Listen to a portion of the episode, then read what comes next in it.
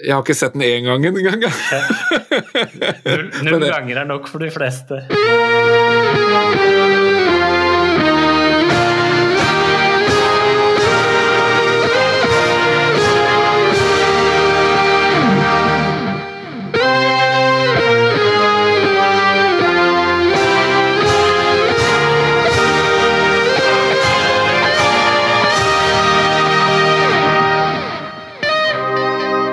Hjertelig velkommen til I fokus her på podkasten Norsk film er.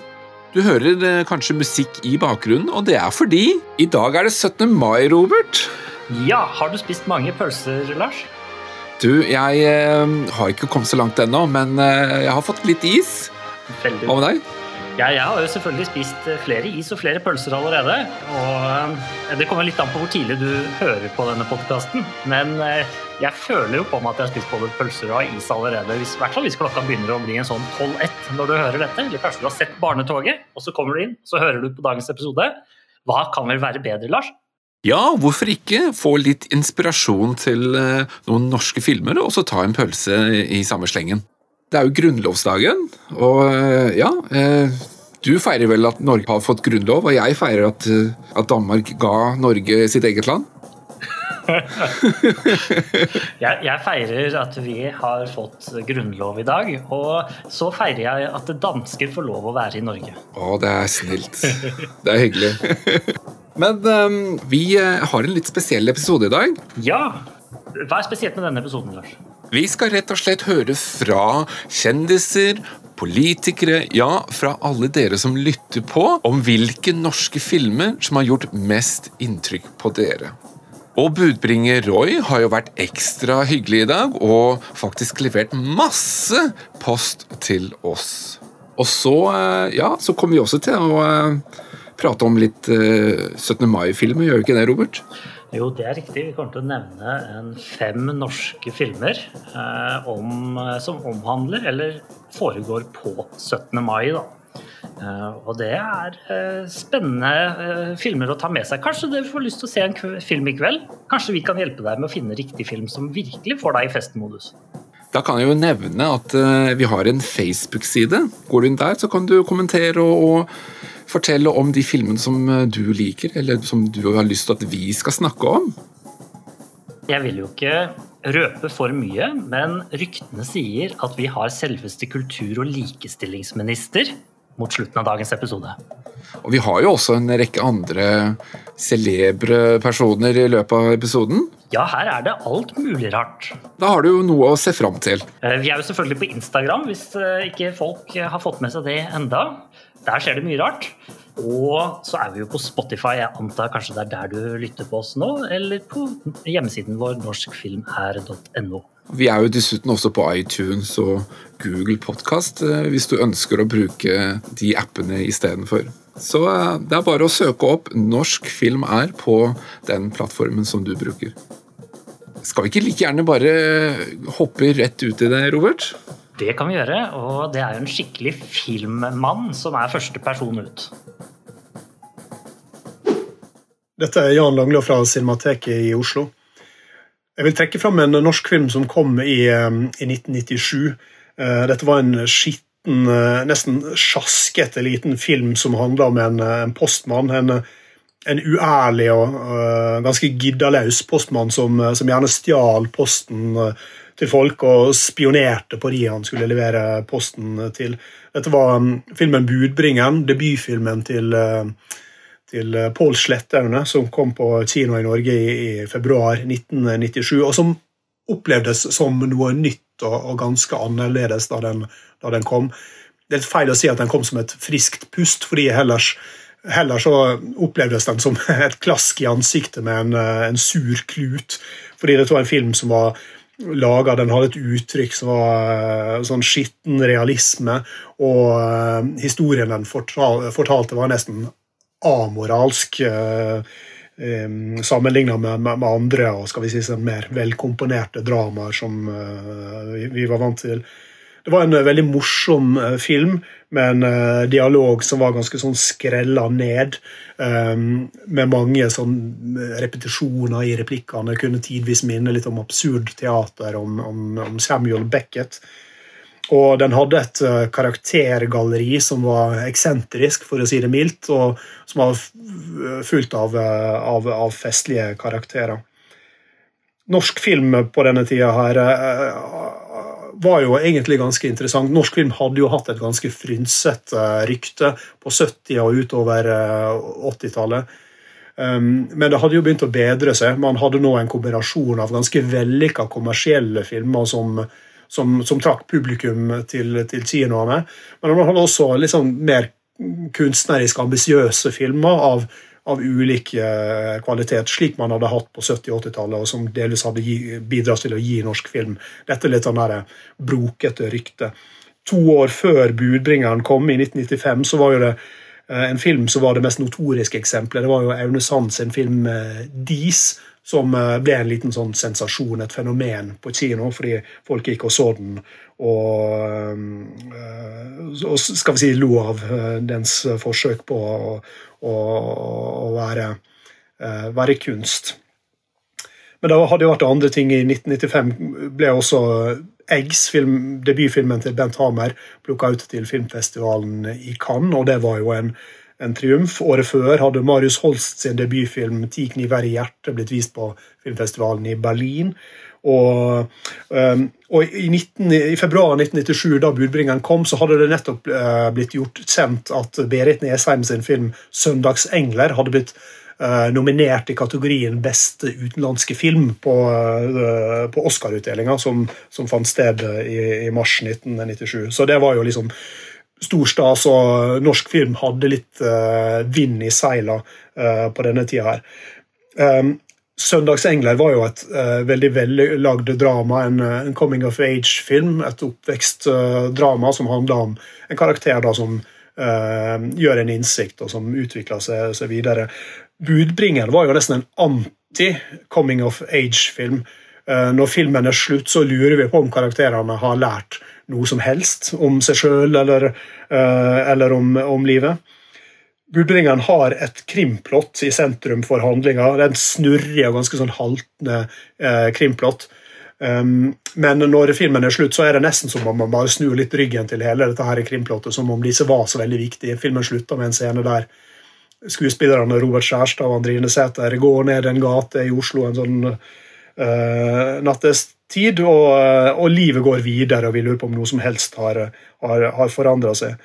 Når jeg sjøl leser en krimroman, så er det kanskje det jeg liker dårligst. er når eh, er avslutninga på krimromanen, når alt skal liksom oppløses og bitene skal falle på plass og regnestykket skal gå opp og man skal uh, løse opp uh, intrigen og sette to streker under svaret og ferdig med det. Um, det syns jeg alltid er en liten, liten sånn skuffelse, fordi man skal prøve å pakke det inn på en perfekt måte. og Derfor syns jeg måten budbringeren slutta på, sånn brått og litt sånn uventa, var, var veldig Uh, veldig befriende. Det det er, en ganske sånn liten film i, i betydning at den er ganske kort. så Den er bare 78 minutter. Og, og det syns jeg er bra. Det er som en punklåt som klokker inn på 1 minutt og, og 50 eh, sekunder. Du rekker nesten ikke å bli vant til sangen før den er ferdig, og så har du bare lyst til å, å høre den en gang til. Og Jeg hadde samme opplevelsen med Budbringeren da jeg så den på kino den eh, slutta brått, og jeg hadde lyst til å se den igjen. Så da gikk jeg tilbake på kino på Eldorado kino i Oslo og så den én dagen, dagen etterpå. Um, fordi den uh, etterlot med følelsen at du ville være litt mer i det universet som, som Pål Slettaune uh, skapte der. Uh, når man ser 'Budbringeren' igjen nå, disse åra seinere, så er det en film som fortsatt føles eh, original og rar og ganske frisk og, og, fortsatt veldig morsom. Så det er en film som har tålt eh, tidens eh, tann veldig godt. Ja, Robert, har du sett 'Budbringeren'? Eh, er det en film som du føler har tålt tidens tann? Det har jeg ikke. Jeg må nok stole på Jan Langlo her fra Cinemateket eh, og si at dette er vel et friskt pust enda. Er det ikke det, Lars? Du har litt, grann, du har litt grann formeninger om denne filmen, har du ikke det? Jo da, altså jeg, jeg, har jo sett den, men det er mange år siden. Men jeg bare husker den som en veldig sånn mørk film, og, men, men, litt sånn humor og litt eh, Ja, litt sånn trist også på samme måte. Så jeg kjenner meg litt igjen i det Langlo sier om budbringeren. Han heter jo Roy Budbringeren. Han har jo vi snakket litt om tidligere, har ikke det? Jo, det er jo han som leverer eh, post til oss. Ja, han er jo en sånn der, en karakter som er litt sånn shady, så, så får vi bare håpe at han eh, leverer til oss også. Ja, heldigvis leverte han masse post til oss denne episoden, i hvert fall. Ja, vi har fått masse meldinger og beskjeder om folk som har svart på hva filmer de liker, og hvorfor de liker dem. Og eh, Maren Skyland, som eh, har skrevet uh, ikke så veldig mye inntrykk, men jeg lo meg i hjel av 'Trolljegeren'. Ja, 'Trolljegeren'. Artig film der med Otto Jespersen og ja. i en fin rolle der, ja. Og det er en annen, også Ketil Olsen, som uh, også har skrevet om samme filmen. Filmen er jo genial. Liker den veldig godt. Budsjettknappen 20 millioner. Imponerende, skriver da han. Er det Ketil Solvik-Olsen, politikeren? Det kan vi jo håpe på, da. Ja, vi kan, vært... vi kan satse på det. Vi sier det er det. vi har en kar som heter John Svensson. Han sier bare 'Kill Buljo'. Og det kan vi jo skjønne. Kill Buljo, denne, denne artige, det artige svaret på Kill Bill. Det sies jo at, um, at regissøren hadde gitt et eksemplar til Tarantino. Eh, og han hadde liksom takket og booket og ja, den skal han se, men den uh, har ikke uttrykt seg eller sagt noe mer da, i ettertid. Men, Kanskje ikke så greit? ja, det er jo en bra film. Det er artig film altså. Begge to. ja, for så vidt. Eh, og så er det også en Ruben Grande. Han nevner Død snø. Og Død ja. snø, Kanskje Død snø blir en film vi snakker om en gang i tiden? Det syns jeg absolutt, for den, eh, det er en av mine favoritter, faktisk. Jeg syns den er veldig bra. La oss høre litt hva folk på gata sier om uh, hva de liker. Jeg har ikke noen favorittfilm, men uh det er en film jeg har eh, sett jeg så på YouTube som heter Lasse og Geir. Eh, jeg vet ikke om dere har hørt om den? Nei, det har vi ikke. Hva var det som gjorde ekstra inntrykk med den filmen? Nei, Det var jo egentlig at den var utrolig dårlig. Eh, selv om den prøvde å, prøvde å sette lys på, på en måte liksom sosiale problemer da, i drabantbyen i Oslo på 70-tallet. Og det, er, det, handler om to ungdommer som er veldig ufyselige og sliter i oppveksten da, i drabantbyen. Og er, hver eneste replikk er utrolig dårlig og teit. Så dere burde se den. Ja, den ga så inntrykk at uh, På en måte ikke dårlig heller. Ikke dårlig inntrykk, men bare en veldig teit film. De personene som har svart på gata, det er eh, svart til mine eh, elever som har vært ute og spurt noen eh, personer. Og den ene personen her sa jo Lasse og Geir, og det er vel Vam og Vennerød fra denne forferdelige perioden på 70-tallet? Stemmer ikke det, Lars? Jo, stemmer. Det er jo en film uh, laget av de. Det er ikke en film jeg har sett. Er det noe du kjenner til, den filmen? Dette er en film jeg har hørt litt om. Ikke i så veldig positive ordlag, egentlig. Så dette her er vel eh, ja, Jeg har ikke sett den selv, men jeg har hørt litt sånn at det er litt mixed signals om denne filmen. Vedkommende sa jo selv at det, det var ikke nødvendigvis en favorittfilm, da, men eh, Han syntes den var litt rar. Ja. Og den er jo litt spennende sånn sett. Altså, det er jo i hvert fall noe. Men eh, det er ikke noe som jeg Det er ikke noe jeg har blitt forelsket i. Nei, nei. Det er en Cesario L.A. Belagone jeg vet ikke hvordan man uttaler navnet hans, men han skriver i hvert fall at kong Curling er genial. Og liker også Issat. Masse gøye svenske, står det ved. Um, jeg har ikke sett Issat, men uh, det er sikkert kanskje noen svenske skuespillere med der? Ja, det vil jeg tro. Men Kong Curling har jeg sett, i hvert fall. Kong Curling ja, det, er, det er jo med Atle, Atle Antonsen, er det ikke det? Ja, helt korrekt. Det er jo ja.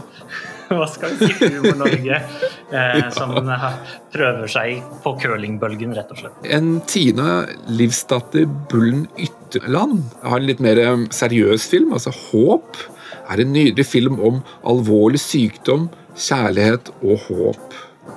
Og det er flere som også svarer på følgende. Altså, den er både fin og trist, skriver Eirik Eidsgaard. Og sier også kan anbefale Blindsone hvis du ikke har sett den. Det er samme sjanger som Håp. Dette her føler jeg er litt flaut, altså. Men jeg har ikke verken hørt om eller sett de filmene. Jeg skal ærlig innrømme at det er mange filmer jeg ikke har sett. Men vi har jo denne podkasten som gir oss muligheten da, til å for oss da, å se mer norske filmer, og også for dere. Vi håper jo at dere blir inspirert av eh, alle de forslagene som kommer inn eh, i, i dag. Ja, og det er en eh, dame som heter Camilla Irén Solheim eh, Ervik. Eller Ervik? Ervik. Helt sikkert Ervik. Vi får bare unnskylde alle som føler seg støtt av hvordan vi uttaler navnet deres. Det er, vi gjør så godt vi kan. Og hun sier da at 'Bølgen' det er en fin film, og, og hun nevner også en film som heter 'Tunnelen'. Det er jo litt i samme sjanger, de to. altså sånn Katastrofefilmer. Sikkert veldig spennende. 'Bølgen' er i hvert fall veldig veldig spennende. Nylig så, så jeg 'Nordsjøen', altså den nye filmen om eh, sånn oljeplattformer og katastrofefilm basert på det. Og jeg må eh, si at jeg ble faktisk imponert av den. Ja, altså. Ja, ikke sant? Eh, Veldig spennende film, altså. Ja, det er absolutt eh, verdt å se altså, hvis du liker den sjangeren. Neste person ut er en skuespiller eller skuespillerinne som vi kjenner fra en del TV-serier, bl.a. Hotell Cæsar eh, i Norge. La oss høre hva hun sier. Hei, dette er Marit Synnøve Berg, og jeg vil anbefale filmen Totori sommeren vi var alene. Det er en fantastisk fin film både for barn og for voksne. Den er eh, glad, den er frisk, skummel selvfølgelig, og troverdig. Det er ekte spill fra de to søstrene på fire og åtte. De må helt alene finne veien og hente hjelp til pappa, som har falt og knust mobilen og skadet seg da de var på tur sammen. Jentene de er godt regissert og fanget av kamera av Silje Salomonsen og Arild Østin Ommundsen. Sistnevnte er skaperen av blant annet Mongoland og Monstertorsdag. De to er et særdeles vellykket team, vil jeg påstå. Filmen har både spektakulære og nære, fine scener, og så er det godt å endelig se en kvalitetsfilm med jenter som helter. Eller superhelter, som de selv sier det. Jeg så Totori sommeren vi var alene, på kino, men den er nettopp blitt tilgjengelig på NRK, og anbefales altså på det varmeste. God 17. mai! Det var altså eh, Mari Synnøve Berg som eh, kom med en veldig god og varm anbefaling. Og ja, gratulerer med dagen til deg også. Dette er jo en ganske ny film eh, som jeg faktisk har hørt om. Og jeg har ikke sett den selv, men nå fikk vi et tips om at den ligger ute på NRK. Ja. .no, så det er, jeg anbefaler egentlig alle å se den i kveld. Altså. Og apropos eh, anbefalinger, altså på vår Instagram-konto så legger vi ut av hver fredag en eh, anbefaling på en film eh, som du kan se. Søk oss opp på Instagram, og så får du litt historie fra oss bakom eh, mikrofonen, og litt tips og ting som vi holder på med utenfor podkasten, som også er litt filmrelatert. Jeg har forresten én ting jeg har lyst til å legge til om eh, filmen Totori. Ja, Uh, og det, det er for så vidt ikke om den filmen, men det er om sånne typer filmer i hel, eh, som helhet. Det å ha barn i hovedroller, uh, det er noe som eh, kan slå begge veier. Og hvis det gjøres skikkelig, sånn som det helt åpenbart har blitt skjedd i denne filmen, så er det noe av det beste du kan gjøre. Det er veldig, veldig kult når det blir gjort på en skikkelig god måte. En film som bare kommer til meg med en gang man snakker om dette her, eller det er to faktisk. Den ene er da Hugo, og den andre er den gode gamle filmen 'Sykkeltyvene'. oi. Ja, av Han het vel Di Sica. eh, Denne italieneren som lagde italiensk neorealisme. Folk burde se den. Også. Mm, ja. Det er tips for filmnerden. Og dette var norske filmer du snakka om? Det, det er ikke norske filmer. Nei, ok. Men det var bare en referanse til eh, barn i hovedrollen. eh, Og filmer Ja. det gjøres veldig, veldig bra. Hugo, er det den her, eh, han der gutten som oppdager han derre filmskaperen og sånn? Yes, korrekt. Riktig. Ja. Dette er Ja. jo filmhistorie. Det er jo litt det vi holder på med her i dag. ikke sant? Og, og generelt i denne podkasten. Bare at vi ser på Norge. ja. Det er vel Martin Scorsese som har tatt og regissert eh, Hugo. Mm, ja, ja, ja. Vår budbringer Roy har jo levert eh, mer post. Det velter inn her. Oi, Oi, oi. Og eh, her er det en Frode Fredriksen som eh, skriver til oss. Det er vanskelig å ikke nevne Flåklypa og døden på Oslo S, men jeg velger å ta med halvveis til Haugesund. Husker lite av dem, så jeg vil gjerne se pga. kul bilkjøring i Norge. Men det er nok det helsprø opplegget rundt det å bli stuck i gokk som satte seg hos meg. Flåklypa kommer vi vel ikke utenom. La oss si det sånn. Nei, nei. Er, Og den har vi jo snakket om at vi skal ta til høsten. ja, Så der er det Den ligger i løypa, for å si det sånn. helt riktig. Og den kommer da i sesong to av denne podkasten, rett og slett. Ja, Men eh, han snakker jo da om halvveis til Haugesund. Og jeg husker at dette her var en film som visstnok hadde blitt filma for lenge siden, og så har det gått en del år, og så plutselig hadde hun da bestemt seg for å gjøre den ferdig. Kjenner du noe til den historien, eh, Robert? Eh, nei, den kjenner jeg ikke til. Den ble i hvert fall lansert på slutten av 90-tallet, mener jeg. Så har du Tonje Kristin Slettingdalen, som sier 'den siste forbrytelsen'. Og det sier faktisk også Joakim Skårstad Garberg, sier den eh, største forbrytelsen. Jeg regner med at det er den samme filmen. Ja, jeg Eh, tror det, kanskje. Det er jo med han derre Jakob Oftebro. Ja, riktig. En sånn skuespiller som jeg er blitt litt fascinert av i det siste. For han spiller veldig mye bra filmer. Altså, så, og så vet jeg at han egentlig er eh, basert i, eh, i Danmark. Han, eh, han har vært med i en del danske filmer og TV-serier. Han er jo norsk. Han er norsk, og eh, det er han. Og det, det, det, skal, jeg ikke, det skal jeg ikke røve fra han. Det er jo tross alt 17. mai i dag, så vi må jo, vi Ja, må holde flagget litt opp i dag. Eh, Det skal vi absolutt. Men, eh, men vi har jo Vi har jo en del norske filmer som hvor handlinga er lagt til eh, 17. mai, altså blant annet 'Hustruer 3', Ja. som jeg faktisk så her for noen uker siden.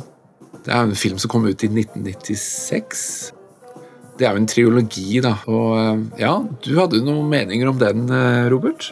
Ja, altså dette her er jo litt Sånn generelt så er ikke jeg noe glad i oppfølgere. Så når den heter Hustruer 3, så er det åpenbart for meg at da Hustruer og Hustruer 2 allerede eksistert. Ja. Og det stemmer jo også her. Og det som var magien kanskje i den første filmen, det begynner jo å forsvinne litt grann når de, disse damene, hustruene, da er på en slags type reunion, eh, om jeg ikke husker helt feil. 50-årslag eller hva det er for noe i Hustruer Ja. Og dette her er jo en film som har fått blanda mottagelser. Og jeg må si at jeg er en del av den blandede delen, av den negative delen, kanskje. Eh, Men andre likte den kjempegodt. Dagbladet ga den jo terningkast fem da den kom. Jeg syns den var litt sånn snodig, og fikk vel ikke helt tak i den. Litt sånn der merkelig, merkelig handling, syns jeg. Det er litt Eh, tannløs, er den ikke det? ja, jeg skjønner jo på en måte litt av ideen, hva de prøver på, men jeg, jeg syns eh, Ja. Nei, jeg vet ikke. Den festa seg ikke helt hos meg, Også. Det er ikke noe spesielt lang film, så denne her er mulig å se. Jeg tror den er 76 minutter lang, altså, så her er det, bare en drøy time. Det er bare å Ja. slå på hvis du har lyst til å se den i kveld. Det er noen morsomme scener i den, da, så, så sånn sett er det jo artig å se den. Så hvis du har lyst til å se på det, en eh, rar film med litt eh, spennende skuespillere som vi kjenner til fra kanskje TV-serier, f.eks. Anne Marie Ottesen kan være med. Den er jo ikke så ille som jeg gir inntrykk av. Altså. Nei da, nei da. Det er ikke den verste filmen som finnes, men eh, du, den er litt Det finnes eh, filmer med litt mer fart. Vi har jo noen lyttere der ute, og det er jo Ingrid Røseth Danielsen har, eh, har kommet med sin eh, favorittfilm. Jeg husker jeg så Johan barnevandrer på kino med skolen da jeg var yngre. Jeg husker den veldig godt fordi det var dyktige skuespillere og en interessant handling. Ikke minst vakker natur og musikk. En herlig film, rett og slett. Dette går jo rett inn i det poenget mitt eh, fra tidligere, med barn i hovedrollen. Johan barnevandrer. Ja. Og hun trekker fram den flotte naturen, blant annet. Det er jo en ting som for mange er viktig når de skal se film. De skal tross alt se på denne, og det er når du får virkelig flotte bilder, da husker du, da sitter det godt, ikke sant? Det er vel få som glemmer bildene fra barnetogene, f.eks. fra Oslo, siden vi er nå i 17. mai. De bildene brenner seg fast, ganske fine bilder. Ja, og det er jo kanskje noe av det som er liksom styrken til Norge. da. Vi har jo veldig mye flott natur og som vi kan bruke i filmene, og også utenlandske filmer som kommer til Norge og har lyst til å bruke norske lokasjoner. Og det finnes jo også en rekke filmer som bruker naturen eller lokasjonen liksom mer bevisst. Da. altså Som f.eks. villmark og De dødes tjern, eksempel. Da er jo området og lokasjonen eh, sentral i, i, i filmen. Absolutt. Hvis ikke du har hørt episoden vår om De dødes tjern, så anbefales den på det sterkeste. Er det, det er vel lov å si det? Ja da. Eh, Eller så kan det jo være greit å ta med seg at Johan barnevandreren skal vel være basert på Den er sånn kvasi-historisk korrekt. Altså, Den er ikke helt historisk korrekt, men det er liksom den er basert på historiske hendelser. da. Igjen så har vi jo fått inn post, da, og det er jo ikke alle som er eh, positive heller. Altså Her er det Terje Pettersen som eh, skriver Jeg sliter med å finne en norsk film som jeg gidder å se to ganger. Uh. Ja. Da, da, det da har jeg noen tips. Flåklypa Grand Prix, eksempel. Det er en artig sak. Se Ja den to ganger. Ja. Er det filmer som du sliter med å se to ganger? Dis. Jeg har ikke sett den én gang engang. Null, null ganger er nok for de fleste. Jeg skal se den. Ja. Den står på lista. Så ja. Men eh, jeg er blitt mer glad i film, sånn sett, så det er ikke sånn at jeg legger så veldig mye vekt på om en film er dårlig eller ikke. Jeg syns man kan få noe ut av en film uansett hvordan, eh, hvordan den er. Vi har også fått en melding fra uh, Meheretab Melesse. Be- Beklager altså igjen altså hvis jeg uttaler dette navnet feil, men han sier 'verdens verste menneske'. Jeg mener helt oppriktig at det er den beste norsk kino har produsert. Så den på kino, hadde høye forventninger, men gikk ut mindblow likevel. Og han er ikke alene om dette. Simon Fjordheim sier også 'verdens verste menneske'. En film man fint kan elske og hate samtidig, mener han. Og Karin Marie Perk Johansen sier 'verdens verste menneske'. Den er veldig god, med to utropstegn der. Så dette er en film som har slått an, og den er jo en film vi snakket en del om i vår Oscar-episode. Ja, nå har jeg jo faktisk endelig fått sett den òg. Ja, og du er ja, jeg er solgt, jeg, altså. Jeg syns den var meget, meget bra. Jeg, jeg kan bare anbefale den. Men den er kanskje en film som uh, treffer Den traff i hvert fall meg, uh, og kanskje min aldersgruppe, uh, sånn sett. Men eh, det er jo mange andre som har likt den også, fra ulike aldersgrupper. Men eh, la oss gå videre til eh, til en person som heter Erlend Johannessen. Det er faktisk en person jeg kjenner, en bekjent av meg. Ja, jeg kan si at den norske filmen jeg har sett som har gjort mest inntrykk på meg, er jo Olsenbanden og Dynamitt-Harry. Både fordi det er en eh, klassiker og en morsom film, og spesielt fordi min far var med i filmen som en slags sjefsskurk. The Man with a Cello Case. Og det var jo gøy i seg selv, men eh, noe som var enda morsommere, var at jeg fikk være med under innspillingen eh, da de brøt seg inn eh, i altså ikke Olsenbanden, men disse fremmede skurkene brøt seg inn i hvelvet i Norges Bank, og jeg fikk være der og se hvordan de gjorde det. Og det var gøy. Jeg har, har et bilde av meg selv hvor jeg sitter på fanget til Egon Olsen, for eksempel. Så eh, det er en eh, film som jeg aldri kommer til å glemme, og som jeg for øvrig nå nesten kan utenat. Det var bra at det var endelig noen som nevnte Olsenbanden. For Olsenbanden har jo Ja. kjempeinntrykk på meg, og helt sikkert eh, mange generasjoner med mennesker. Eh, disse fantastiske filmene som er da adaptert fra Danmark. Vi har jo hatt Ja. Filmbanden her på besøk også.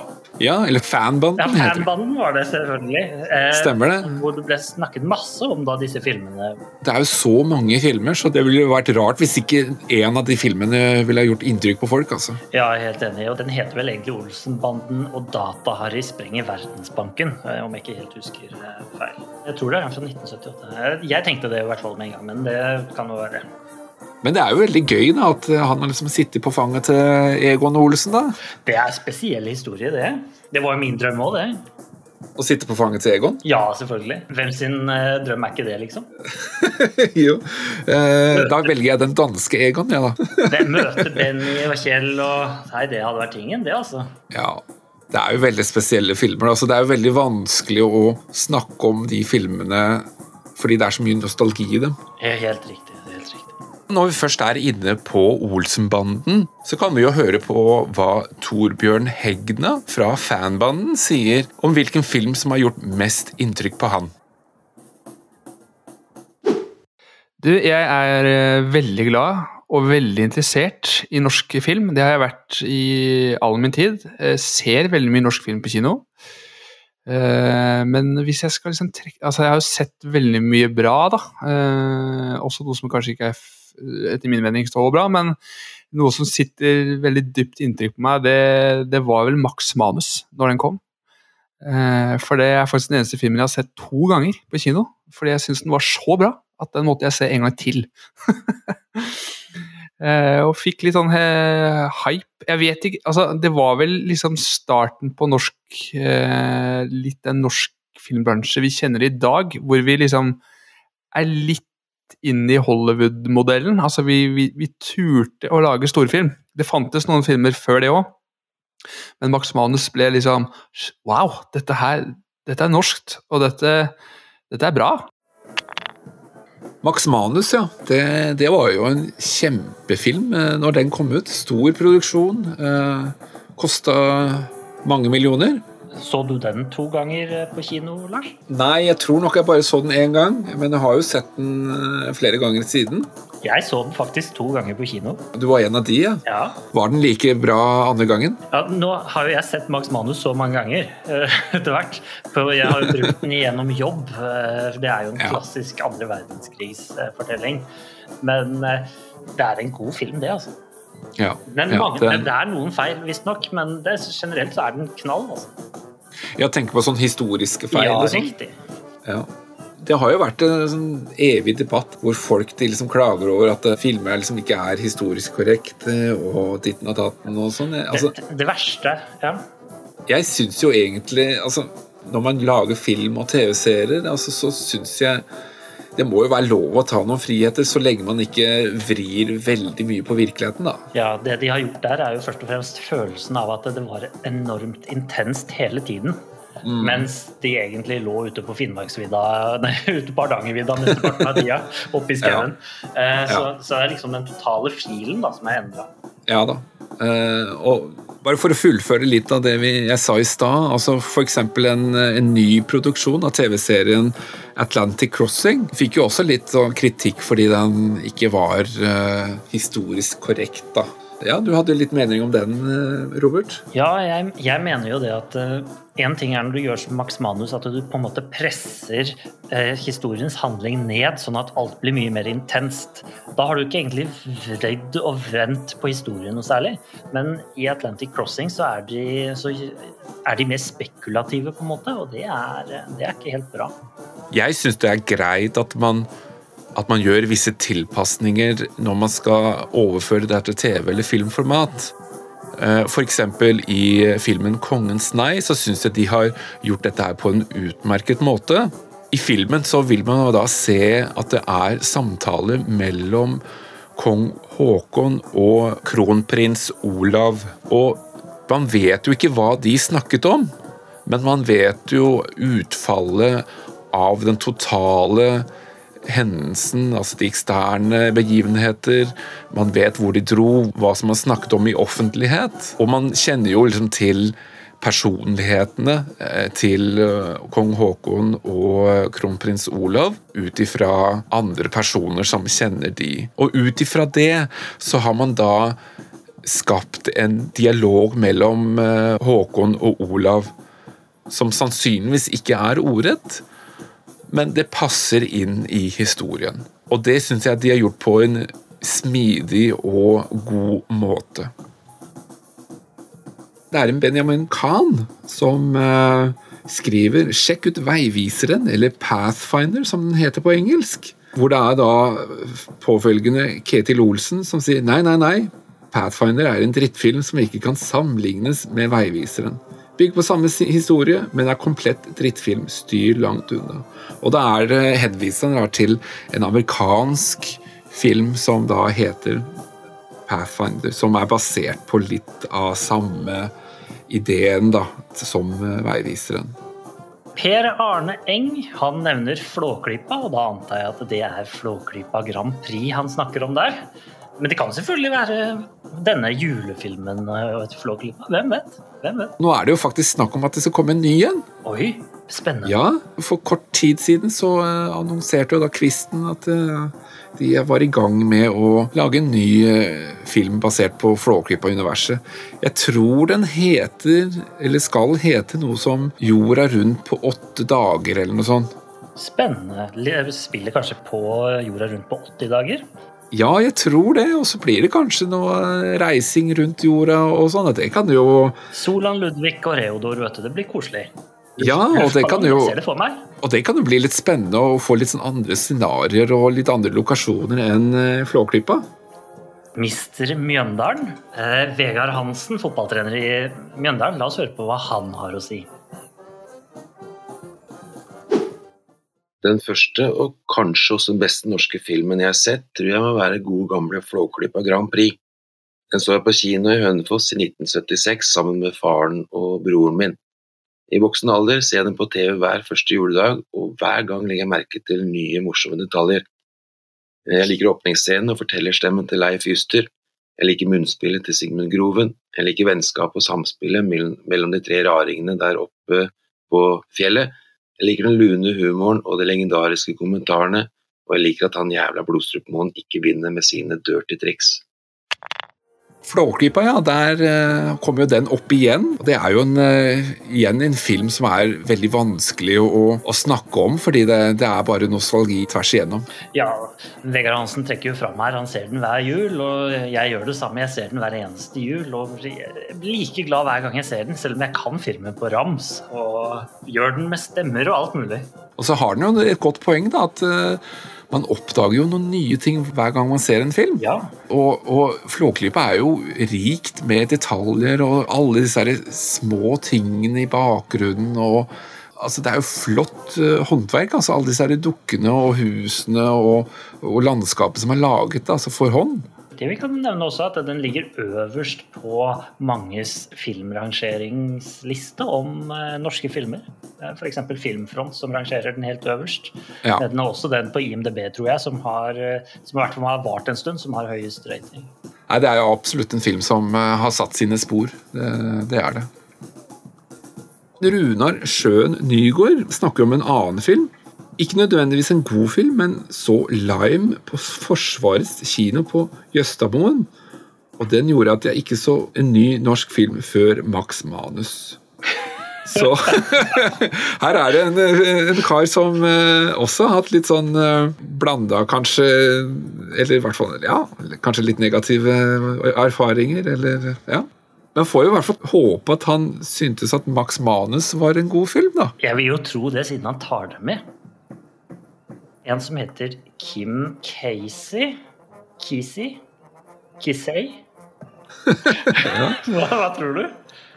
Sisei, kanskje? Kisei. Eller Kisei. Sola? Ja, kanskje det. Eller er det Coca-Cola? Sola. Sokosolo? Dette her er en Harald Heide Steen-vits. Ja. Den har gått meg i hus forbi. Men vi får bare beklage hvis vi ikke uttaler navnet hans riktig. Ja, vi, vi satser på Kim Sacy. Kim Ceesay. La oss gå for det. Og han sier jo 'Døden på Oslo S', og det samme gjør Erik Eidsgaard, som mener at det er en skikkelig god film. Og det kan vi være enig i. 'Døden på Oslo S' er en knall film. Og så tar Martine Grimsrud Kronstad, og hun nevner filmen 'Tante Pose'.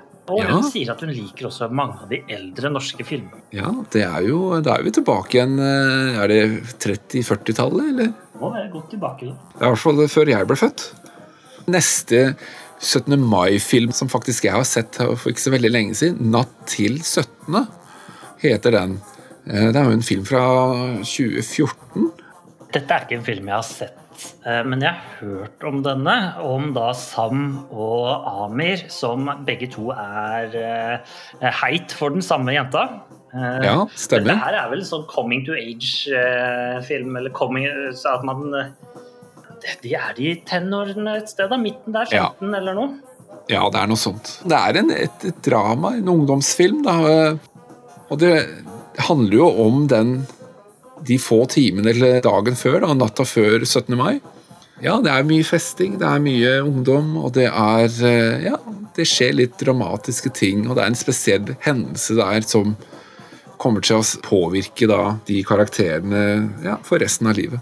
Ja, riktig. Lagde eh, Erik Svensson har eh, regissert denne filmen. Men dette her er vel da to i utgangspunktet venner eh, som eh, møter på liksom ungdommens problemer, er det ikke det?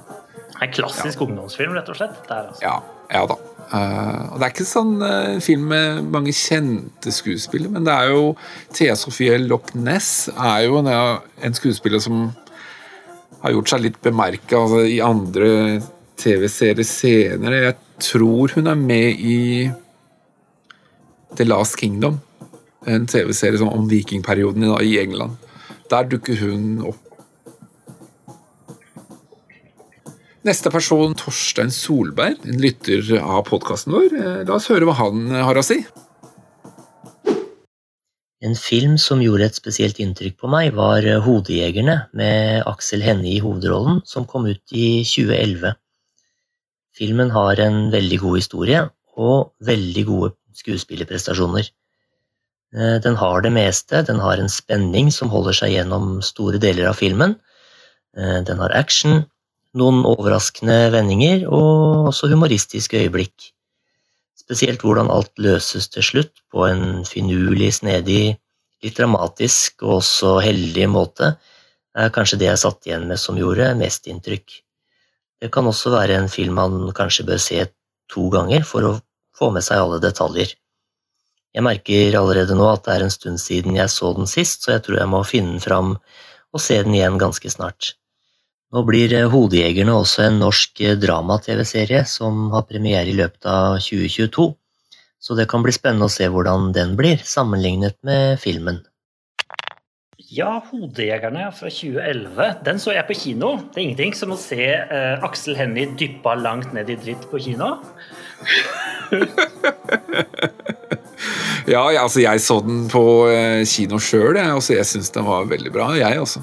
Ja, jeg syns det òg. Du sitter på kanten av uh, kinosetet. Ja, det var jo selvfølgelig en spøk fra min side pga. en av scenene i filmen. Men uh, dette er jo da Morten Tyldum som har laget. Det er vel siste film han lagde før The Imitation Game, om jeg ikke husker helt feil. Ja, og så er det jo basert på en roman av uh, Jo Nesbø. Ja, Nesbø, ja. Du har kanskje lest 'Hodejegeren' også? Du, jeg har ikke det, altså. Jeg leser bøker, men det, det, ikke, den har jeg ikke lest, altså. Det er jo en av de Nesbø-filmene som faktisk eh, Hvor det har blitt litt bra i etterkant, da. Ja, i motsetning til 'Snømannen'? Ja, jeg tenkte litt det. som eh, jeg syns var fryktelig dårlig. Men ja. Eh... Hvis vi ønsker null lyttere, så kan vi snakke om Snømannen. Ja. Nei, men altså, Når jeg tenker på Hodejegerne, så minner den litt om uh, den her svenske Menn som hater kvinner. altså Den ja. der trilogien. altså Den har litt sånn samme stemningen, samme intensitet, da. Nå har budbringeren Roy kommet med nok en melding. Glenn Folkvord. Han sier 'Kommandør Treholt'. En metakomedie der Arne Treholt, spilt av Mats eh, Austdal, er ninjahelt. Spinnvilt opplegg. Handlingen er satt i 80-tallet. Trond-Viggo Torgersen spiller kong Olav. Metahumor, retroeffekter og så sjarmerende cheesy med vilje at det halve kunne vært nok. Sa jeg at det var et spinnvilt opplegg? Kanskje Norges mest originale og kreative underholdningsfilm noensinne. All ære til norske krigsfilmer, men originale er dem ikke. um, ja, jeg merker jo her at jeg har veldig lyst til å se Trond-Viggo Torgersen som, uh, som kong Olav. Ja, da kan det bli bedre, tenker jeg. Kanskje vi skal anbefale folk å se den i kveld? Ja. ja det blir mange filmer i kveld. S sammen med alle de andre. Ja. Wenche Flattum har uh, kommet med en melding og nevner da kong Curling igjen. Eller hun nevner ikke igjen, men det er jo andre som har nevnt den også. Og Eirin Eirun Lindahl Valby nevner da De gales hus og Bølgen som er noen filmer som har gjort inntrykk på henne. Vi har så mange forskjellige lyttere. Det er så gøy at de velger forskjellige filmer også. Så filmer som ikke jeg kjenner så godt til. Det er kjempebra. Neste person er faktisk en eh, frilansregissør, altså Linn Marie Christensen. Hun jobber visst som produksjonsdesigner i en TV 2-serie akkurat nå. Jobba litt med noen musikkvideoer, og det siste er nok eh, noe som heter Kjendisvinen på Nettavisen, som hun også har vært involvert i. La oss høre hvilken film som har gjort inntrykk på henne. Da har jeg tenkt litt på hvilken norsk film jeg har lyst til å trekke frem og snakke om. Og jeg landet på Naboer, som er eh, Pål Slethaune som har regissert. Laget i 2005. Det var faktisk den første norske filmen med 18-årsgrense. Den er ganske voldelig, men også veldig smart. Og på den tiden veldig nyskapende når den kom. Jeg var bare 22 når eh, filmen kom, så jeg hadde ikke startet med mine egne filmstudier. Så jeg så den med, med litt annerledes øyne enn jeg gjør i dag, da. Men ikke at det er noe negativt, fordi jeg synes fortsatt den er veldig sterk og filmteknisk både vakker og spennende laget. Um, god regi, godt skuespill, jeg husker det var en av de filmene da jeg virkelig fikk øynene opp for Kristoffer Joner, som jeg syns er eh, helt rå. Spesielt i denne. Og på den tiden. Han hadde jo flere perler på den tiden. Hvis ikke du har sett så mye av Kristoffer Joner, så, så, anbefaler jeg å, å lete i arkivet. Ja, så er det litt sånn litt sånn David Lynch-feeling. Jeg har alltid vært veldig glad i David Lynch, så, den, så det er kanskje Ja, det er litt sånn unorskt, egentlig. Som sjanger så havner vel naboer under en psykologisk thriller, vil jeg si, som vipper kanskje litt over mot skrekksjangeren. Du må tåle litt for å se den. Den er, eh, den er eh, ganske vemmelig til tider. Det er, eh, det er, en grunn til at den fikk 18-årsgrensa. Um, men det er også akkurat den type film jeg liker, så for meg så er jo det helt midt i blinken. Det ligger jo veldig mye i hvordan kamera beveger seg mellom rommene. Det er blitt brukt litt sånn tidløs, litt sånn skitten stil over det hele, da. Så du, du får Du vet liksom ikke helt hvor og når, som også bygger opp under historien som fortelles, og gjør også at denne leiligheten, eller leilighetene, føles ut som denne labyrinten da, som han på en måte aldri kommer helt ut av. Det er også noe som jeg føler er veldig gjennomtenkt. da. Og så syns jeg musikken også bare bygger opp under historiene på en sånn en litt sånn perfekt skrekkfilmfølelsen der, da. Jeg skal ikke røpe for mye med naboer, tenker jeg, fordi den er jo en film som bør bare opp oppleves. Men det handler jo om en for så vidt ung fyr som uh, sliter litt etter å ha mista kjæresten sin. Altså, hun har gått fra han. Um, tydelig at det er uh, har ikke vært uh, spesielt bra på slutten der mellom de. Kanskje ikke gjennom hele forholdet heller. Men får ikke vite helt hva som har skjedd, eller hvor ille det har vært. Men det, det er jo dette som legger opp til alt som skjer, da. Og jeg syns det er noen sånne fine reveals da, innimellom der. Noen valg som har blitt tatt som Ja, hvis man følger nøye med, så forstår man plottet Eller man kan forstå plottet ganske tidlig, faktisk. Ja, være våken. Ja, sånt liker jeg. Jeg liker når jeg kan se en film på nytt, og så kan jeg oppdage liksom nye sånn easter eggs som jeg ikke hadde sett første gangen. eller... Så ja, hvis ikke du har sett Naboer enda, så vil jeg absolutt anbefale det. Det er en eh, ganske syk film på mange måter, så du, du må tåle den type film, rett og slett. Det var en veldig god forklaring på hvorfor eh, man burde se naboer. Og det er en film som jeg har sett selv også. Eh, og den er litt gæren, altså. Du må være litt gæren for å se denne. Eh, dette var en film som ble kjempegodt likt i VG. Og den er kritikerrost og osv. Det er masse gode karakterer til denne filmen. Lurer på, Sannelig den vant Amanda-pris for et eller annet også? når jeg tenker. Etter den beskrivelsen fra Linn Marie om naboer, så merker jeg at dette er en film vi burde ta en full gjennomgang om ikke så lenge.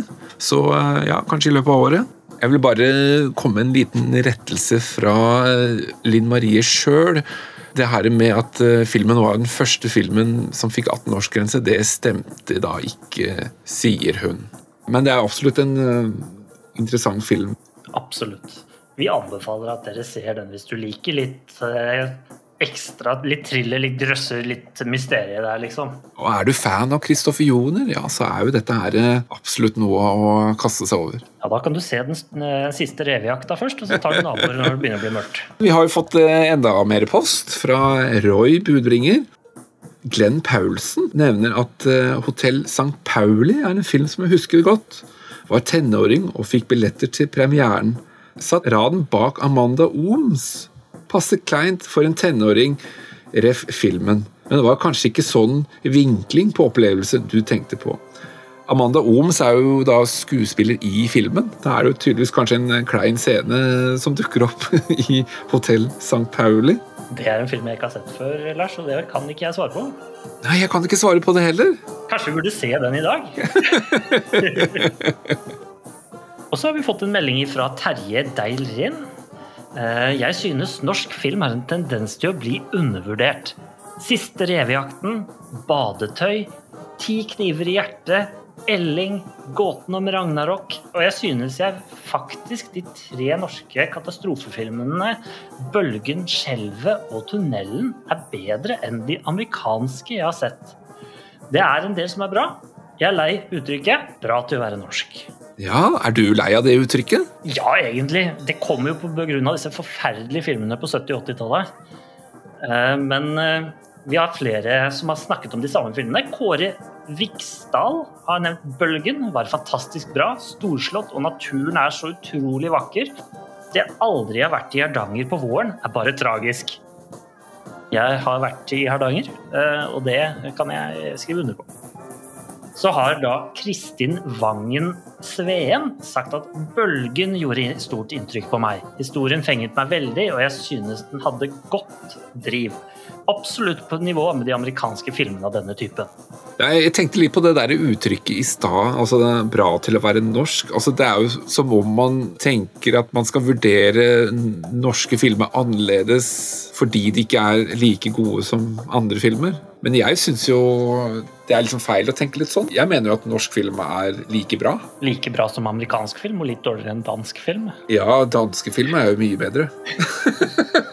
Nei da, i dag er det 17. mai, i dag er norske filmer best. Ja da. Vi slår et slag for eh, norske filmer.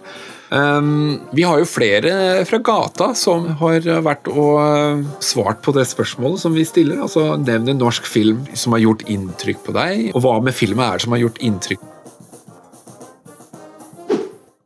Being There av FP Productions.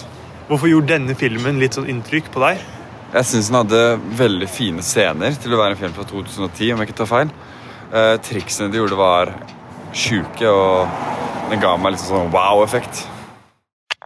Har du sett 'Being There', eh, Lars? Nei, det er enda en film jeg ikke har sett. Men, eh, men det er jo en slags dokumentar, er det ikke det? Den filmen har jeg faktisk sett.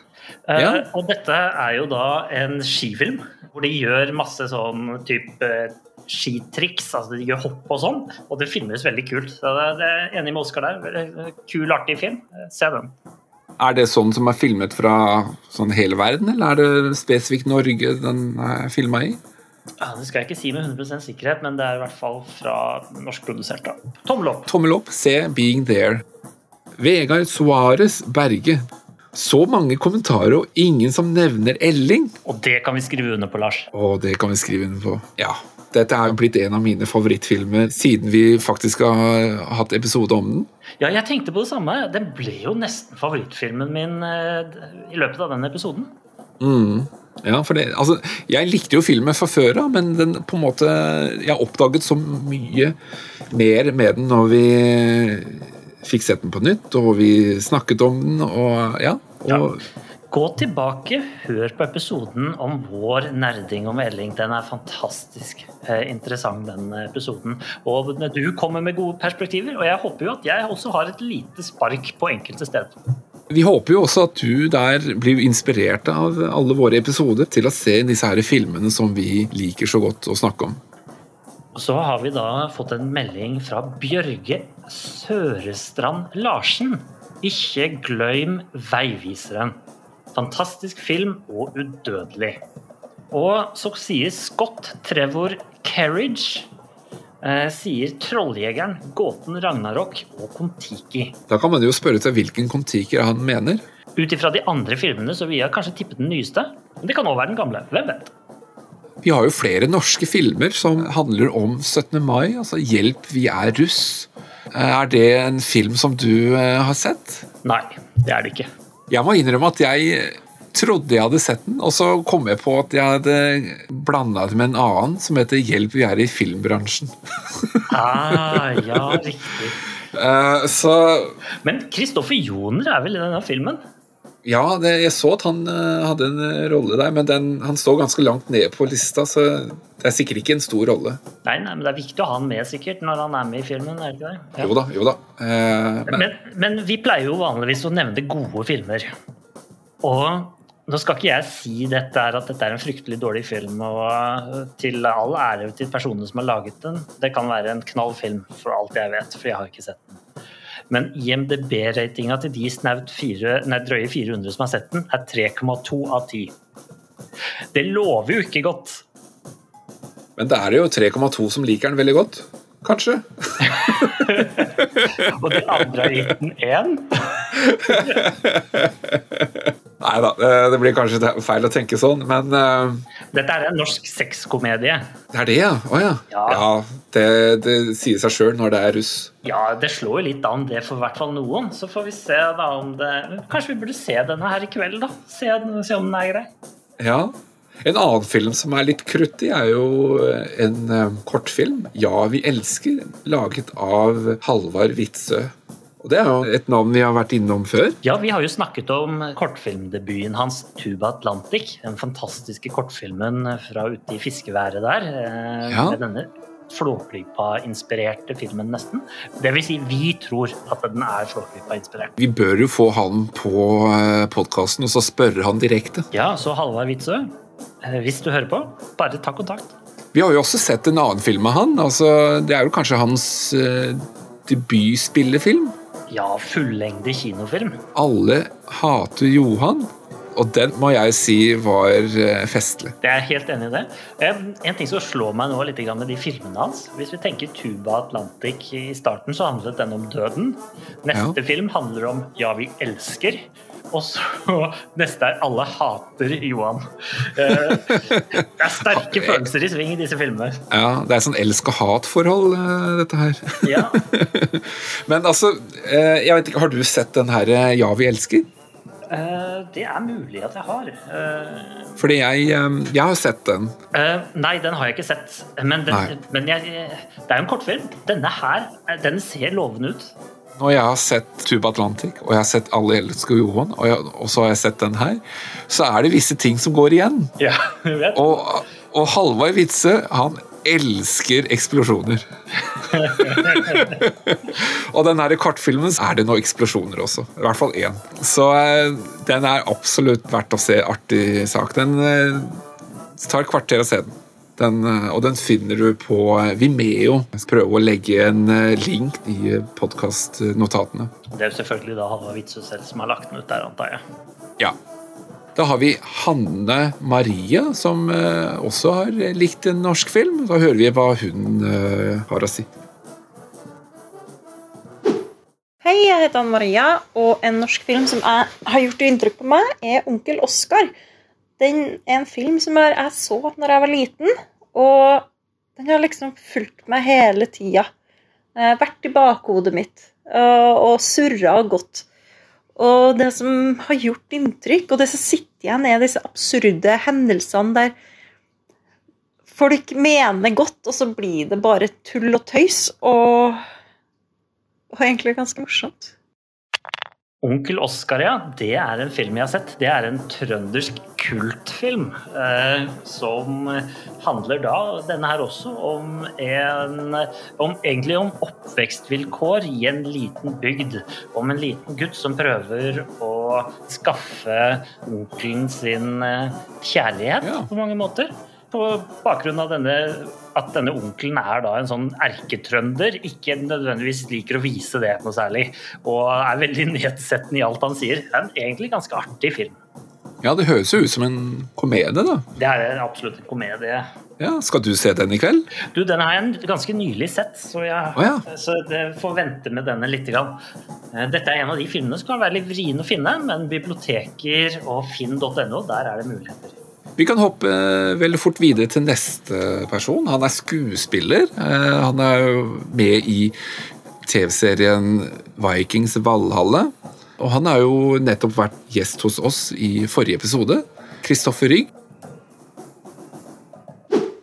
Størst inntrykk det var kanskje, som med mange andre ting, eh, ting som skjedde i barndommen. da. Eller når man var yngre. Så filmer som jeg på en måte husker derifra er eh, kanskje en av de som jeg husker godt, eller ikke så godt egentlig, men eh, hvis jeg tenker norsk film, så tenker jeg på, på Jon Skolmen i 'Plastposen'. Jeg husker ikke om den heter 'Plastposen' eller 'Plastpose' eller åssen det var formulert, men det var i hvert fall Jon Skolmen i den eh, norske komedien. Da.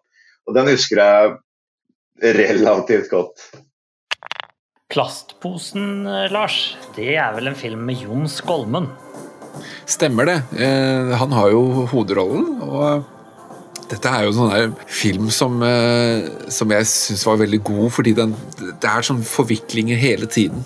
Eh, altså Det starter jo med at han skal kaste en plastpose eller søpla, og så drar den her historien seg liksom ut i det ytterste. altså. Så den, eh, og Jon Skolmen er jo altså en mester på akkurat det der å uh, spille komedie. Bare hør på navnene som deltar i denne filmen. Jon Skolmen, da, som nevnt. Sverre Anker Austdal. Ingar Helge Gimle. Anne Marie Ottesen. Else Lystad. Altså, de er der alle sammen, altså. Dette er tungvektere, altså. Ja, og selv om kanskje ikke filmen er verdens beste film, så er det jo sånn rent filmatisk så er jo dette en underholdende, morsom film, spesielt når du er liten eller yngre, da. Randi Volden skriver følgende Den tolvte mann satte sine spor. Har jo vokst opp med originalen Ni liv, så jeg syntes filmen var utrolig bra og sterk. Tunnelen var også heftig så har Bastian Brekken sagt uten å frivillig legge hodet klar til å kuttes, så sier jeg for min egen del at jeg digger Fritt vilt-filmene. Jeg syns ikke det er noe poeng å kutte av noe hode der, altså, for det er absolutt en, en god film. Altså. Ja, i hvert fall hvis vi tenker den første. Den var jo skummel som bare det. Den er oppe på hytta. Ligna litt på Døden, denne eh, Tjern-filmen. Ja, ja, du tenker på De dødes tjern. Ja, man ser jo at, uh, hvor det er inspirert fra. Og du har jo Villmark, er jo også en annen film. Eh, I samme sjanger er jo naboer. altså Du har liksom den samme spenningen og nerven, da. Tonje Alseth Rygg, nevnt Hawaii, Oslo. Max Manus, Fritt vilt, Mennesker i solen. Helt crazy, men god underholdning. Bare Bea, god ungdomsfilm. Og så har hun nevnt filmen som vi har snakket om her i podkasten, 'Slipp Jimmy fri'. Ja, den eh, Vi kan ikke si det for ofte, altså. Gå tilbake og eh, lytt på våre nerdinger. Men det jeg legger merke til nå, Lars, er jo det at vi må jo ha valgt ganske bra filmer å snakke om, siden det er så mange som tenker på disse filmene, som vi også gjør. Ja, du har jo rett i det, altså. Neste person er en riktig kjent person. Hun er ordfører i Drammen kommune. Det er ingen andre enn Monica Myhrvold Berg. Det er laga utrolig mange gode norske filmer, men den som nok har gjort sterkest inntrykk på meg, det er Den største forbrytelsen. En annen jeg også har lyst til å nevne, er 'Kongen av eh, Bastøy'. Filmer som er basert på virkelige hendelser, det gir ofte et sterkt inntrykk.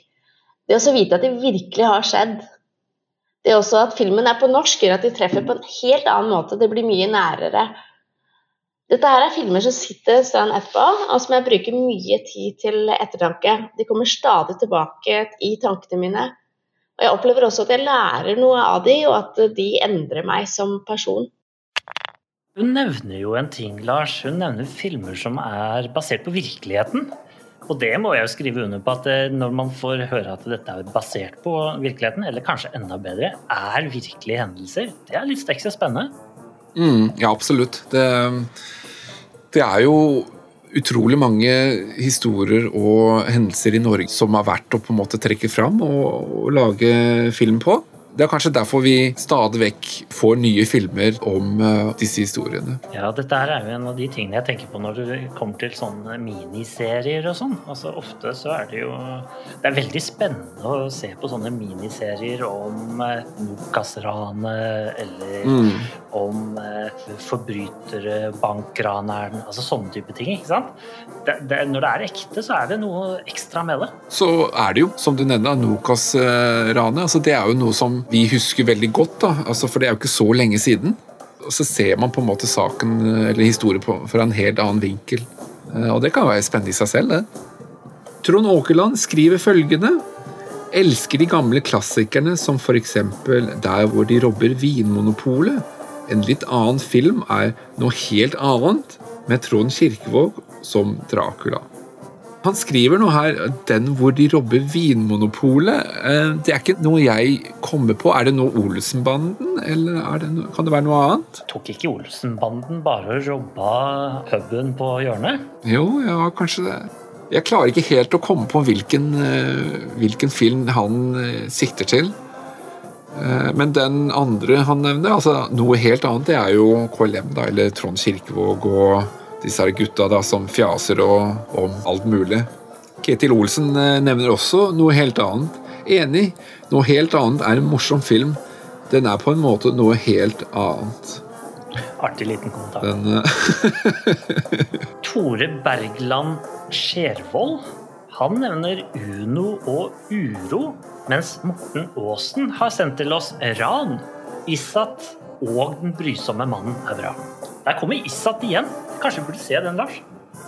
Vi har en lytter som eh, også har eh, sagt sin mening om en norsk film han liker. Eh, da skal vi litt tilbake inn i tid, og så hører vi da hva Sigve Botsberg har å si. En film som har gjort inntrykk på meg, er filmen Kon-Tiki. Og da er det snakk om dokumentarfilmen fra 1950. Dette er eh, en film som eh, gjorde sterkt inntrykk på meg da jeg var ung, og den vekket eventyrlysten i meg. Nå er ikke jeg en eventyrer selv, derfor er det så fint å kunne følge med på andre som er det. Filmen handler om eh, en teori som Thor Heyerdahl prøver på kroppen selv ved å bygge en flåte og seile den med noen medsammensvorne over Stillehavet fra Peru til det som eh, på den tiden ble kalt for eh, Polynesia og øyene der. Han nevner jo et veldig godt poeng. da. Han sier jo det at han er ikke noe eventyrer selv, men uh, Thor Heyerdahl var jo det. Da hadde jo han liksom muligheten til å leve seg inn i hans verden ved å se på Kon-Tiki. da. Og Det er også noe jeg tenker på. altså Det at uh, det å se filmer som man kan leve seg inn i, hvor andre på en måte opplever ting som man kanskje ikke har muligheten til selv. Ja, og Kon-Tiki er en Oscar-vinner, og vi kommer vel kanskje fram til at det var en norsk Oscar også? Ja, selv om svenskene er kanskje uenig i det, men Hvis ikke du har hørt Oscar-episoden, hør Oscar-episoden! men i dag så er den norsk? Ja, i dag er den absolutt norsk. 17. mai så er virkelig Kon-Tiki en norsk film. Men poenget hans med at man kan leve ut drømmen litt, som oppdages selv i disse filmene, det er jo en av grunnene til at vi ser film. Det er jo for å bli tatt litt ut av hverdagen eh, og havne inn i en ny type virkelighet, et annet univers, som også noen av de andre personene nevner. Tore Hansen eh, nevner jo Hovedjegerne. Eh, ikke et kjedelig øyeblikk og fantastisk historie. Og neste person har vi jo hatt på besøk her i podkasten. Det er Tinka Town, som skal si hvilken film som er hennes favorittfilm. Ja, det er litt uh, todelt, faktisk. Jeg har kanskje et sånn det første store inntrykket. Det var jo Flåklypa Grand Prix, som jeg så på kino da jeg var fem år gammel. Det var den aller første filmen jeg så på kino. Så, og det, det, husker jeg nesten som det var i går. Um, og så er det en annen film som, um, fra den siste tiden som har gjort veldig sterkt inntrykk på meg på en helt annen måte. Um, og det er den dokumentariske filmen 'Selvportrett' av um, Margaret Olin og Espen Wallin og Høgseth om um, Lene Marie Fossen med spiseforstyrrelser som uh, tok flotte bilder av seg selv. Den var i hvert fall utrolig sterk og verdt å se. Flåklypa Grand Prix, eh, selvfølgelig, fra eh, Tinka Town, som jobber i Ravn Studio, som har laget da Flåklypa-spillene. Eh, så det kanskje sa seg selv, eh, Lars. Kan hende, kan hende. Neste film eh, på lista vår, altså 'Bedre enn sitt rykte', det er ikke en film jeg har sett, men den er jo fra 1955, av, regissert av Edith Karlmar. Og Edith Karlmar har jo vi vært innom tidligere når vi har snakket om hennes debutfilm, som da er 'Døden er et kjærtegn', og vi kom vel fram til at det var en knallfilm. Ja. Eh, på hvert fall på mange sider. Og dette her er jo da en film som handler om eh, tar i hvert fall for seg russetiden. Ja, det er jo sånn ungdomsfilm, romantisk drama. Ja, ja, og det er jo litt morsomt dette her, at Oslo-russen eh, på 50-tallet gjorde jo motstand mot å lage denne filmen. Da det skulle filmes på eh, Universitetsplassen i Oslo, så kom det masse russ og gjorde masse opptøyer og motstand mot at denne filmen skulle filmes. Så den ble litt utsatt her og der, og Oslo-russen til, eh, nedla til og med et forbud mot at rødrussen skulle få lov å delta som statister i denne filmen. Oi. Eh, Og dette er jo en film hvor det er en av disse guttene, Dag, som ønsker å få høyeste karakter totalt, og må da ha fransken sin til å gå bedre. Og da tar, får han ekstra timer, privattimer av da denne fransklæreren. Og her blir det godt øye da mellom eh, elev og lærer. Klaus Sandvik har eh, vært gjest hos oss. Han har uh, jobba i NRK, han har eh, laget kortfilmer, han har eh, vunnet en sånn videomaraton i København. La oss høre hva han har å si. Jeg har jo en favorittfilm, da, og det er Mongoland. Det er min favoritt eh, norske film. Eh, og det er rett og slett fordi, for det første, så er det en fantastisk film. Eh, som er eh, ganske ulik annen norsk film. Eh, sånn sett. I hvert fall når den kom. Og veldig bra skuespillere, og selvfølgelig som mange av de har jo blitt kjendiser og er store stjerner den dag i dag. Så det var jo en episk film, og så var det en lavbudsjettfilm, noe jeg syns var veldig kult den gang når jeg så den filmen for første gang. Jeg så jo denne filmen eh, for første gang i fjor til vår uh, julefilmepisode. Da vi Ja. snakket om uh, julefilmer, og annet prata litt om den her. Pia Tjelta, Kristoffer Joner. Dette her er starten på mange gode karrierer. Ja. Som folk holder ganske tett inntil sin, sitt bryst, da. I hvert fall noen gjør det. Og nå det jo, går det jo rykter om at de skal faktisk lage en oppfølger. Nei. Har det i hvert fall eh, vært skrevet om, da, så får vi se om det blir noe av. da. Kjersti Eriksdatter nevner kunsten å tenke negativt. Denne er sykt morsom, sier hun. Og så kommer Eva Kristin Indrebø inn og sier 'støtter denne'. Mm.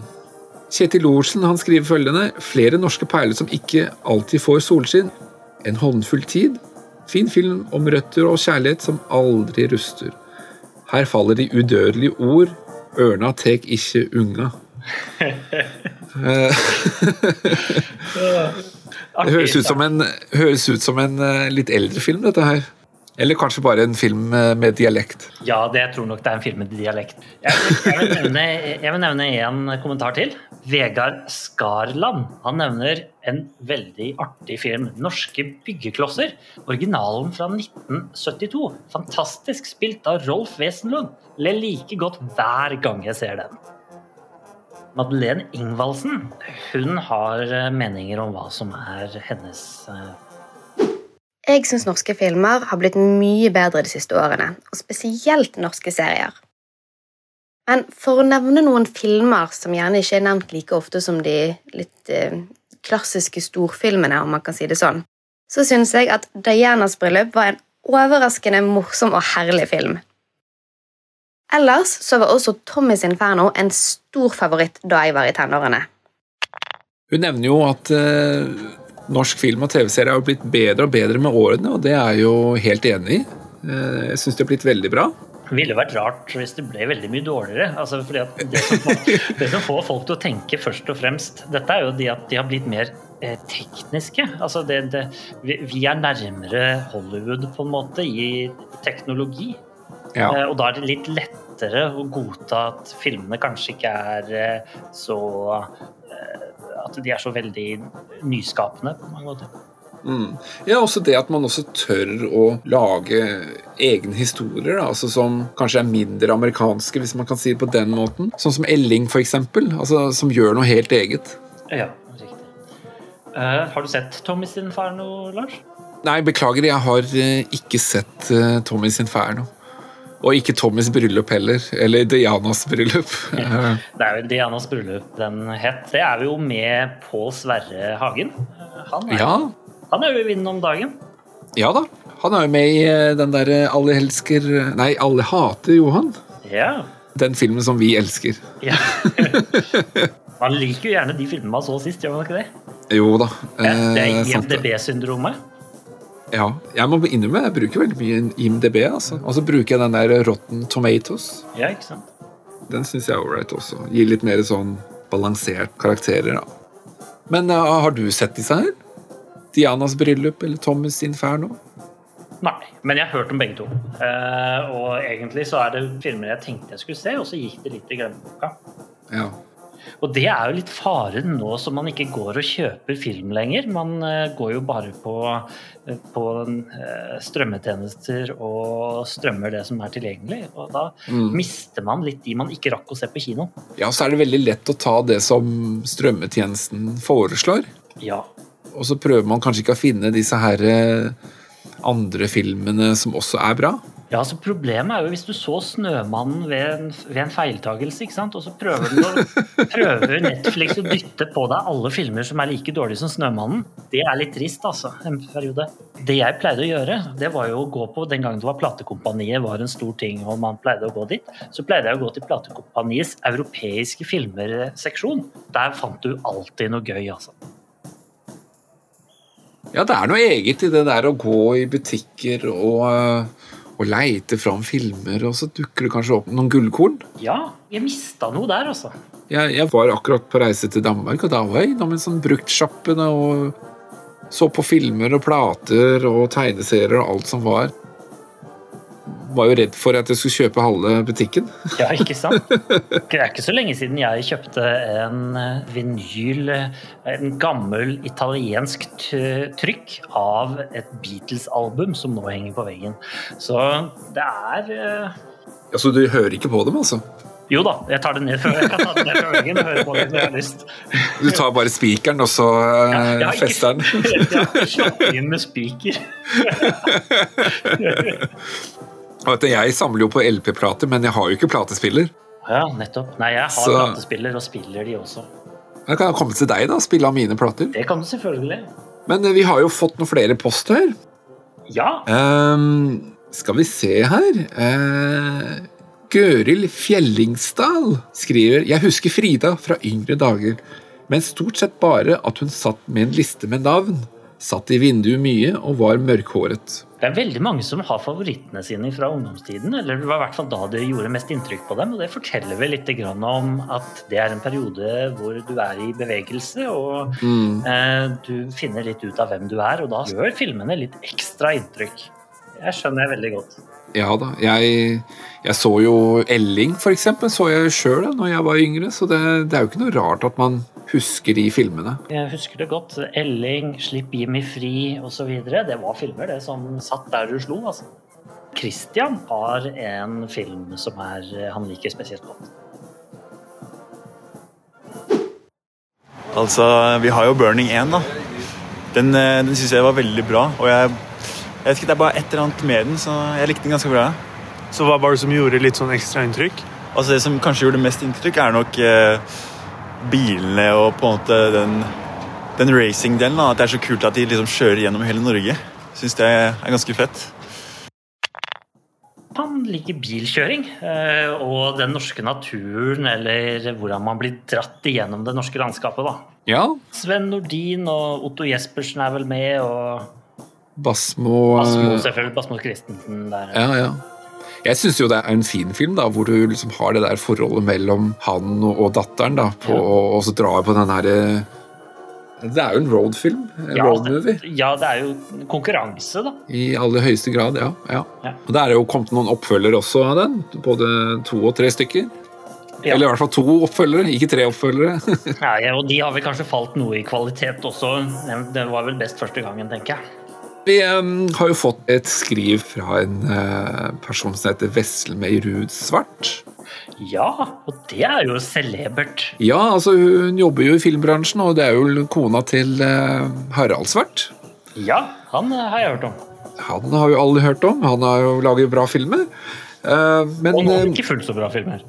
Ja, kanskje. Men Veslemøy skriver da følgende Filmen som står ut i blokka, er en film som jeg så som barn. Det var selveste Flåklypa Grand Prix. Alt fra åpningssekvensen med den varme fortellerstemmen, munnspillet av Sigmund Groven, de varme og sjarmerende karakterene, den rike og jordnære humoren, spenningen, suget i magen ned bakken under billøpet. Denne filmen hadde alt en kunne ønske seg som barn i kinosalen. Og jeg glemmer ikke dagen Il Tempo Gigante kom til byen min, Sarpsborg. Og her har vi da enda en hvor Flåklypa har gjort inntrykk.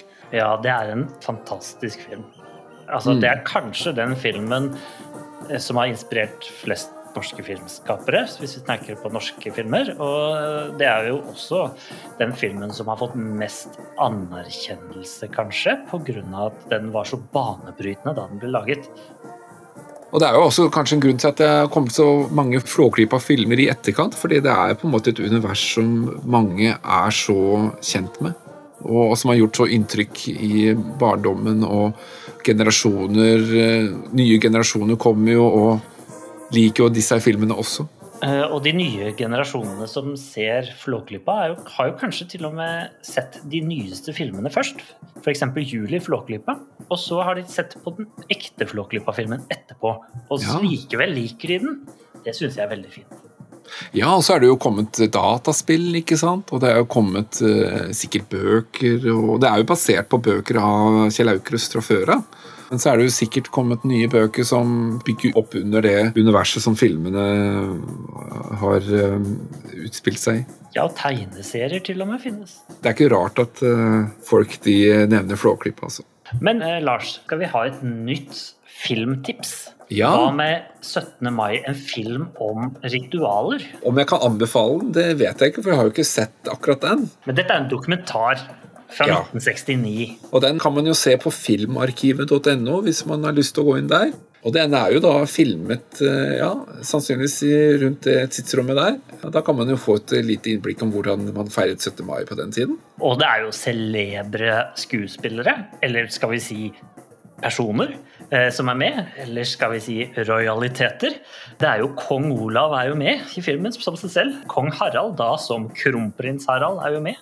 Og kronprinsessen dronning Sonja er jo da med som kronprinsesse Sonja. Og dette er riktignok dokumentar, da, så de spiller jo ikke skuespill. Men de er jo der. Og det, det er, er det en dag du skal se en sånn dokumentar, så er det vel i dag på 17. mai? Er det ikke det? Denne ritualfilmen, da, som er dokumentarfilmen, er jo da regissert av Anja Breien. Og hun er jo samme person som har regissert Hustruer-filmene som vi startet med. Å, er det det, ja? Ja, så hun har jo da regissert Hustruer og Hustruer 2 og Hustruer 3, da, som er denne 17. mai-filmen. Så det er kanskje greit å ta med seg, at dette her var jo det første hun begynte med omtrent. Altså den første eller nest første filmen hun faktisk lagde. Det var en liten artig kuriositet. Men så kan vi også nevne at Olsenbanden Data-Harry Sprenger Verdensbanken har jo også en åpningsscene som eh, utspiller seg på 17. mai. Nå er det lenge siden jeg har sett den filmen, men det, jeg husker ikke helt hvorfor de er der eh, på Karl Johan. Det er vel der de er, tror jeg. Det som er tingene her, er jo i hvert fall at er det en film som har blitt mer norsk, eller filmserie som har blitt mer norsk med tiden enn Olsenbanden, som egentlig ikke er norsk? Det er vanskelig å tenke seg noen andre norske serier, på en måte. Og tingen er at det er jo ikke helt norsk heller. Det er jo liksom, Deler av det er jo dansk. Men jeg vil jo tippe at 17. mai-scenen er spilt inn på Karl Johan. Ja da. Jeg, jeg kan ikke tenke meg hvor skulle den vært spilt inn i Danmark, liksom. Nei, nei, men altså, den, den er spilt inn på Karl Johan i Norge. Altså, Ja, ja, det er klart det. Kanskje vi burde se den på nytt i dag, Lars. Jeg tror det. Ja. Olsenbanden som på en måte i gåsetegn er så norsk, da, så er jo det en perfekt film å se på 17. mai.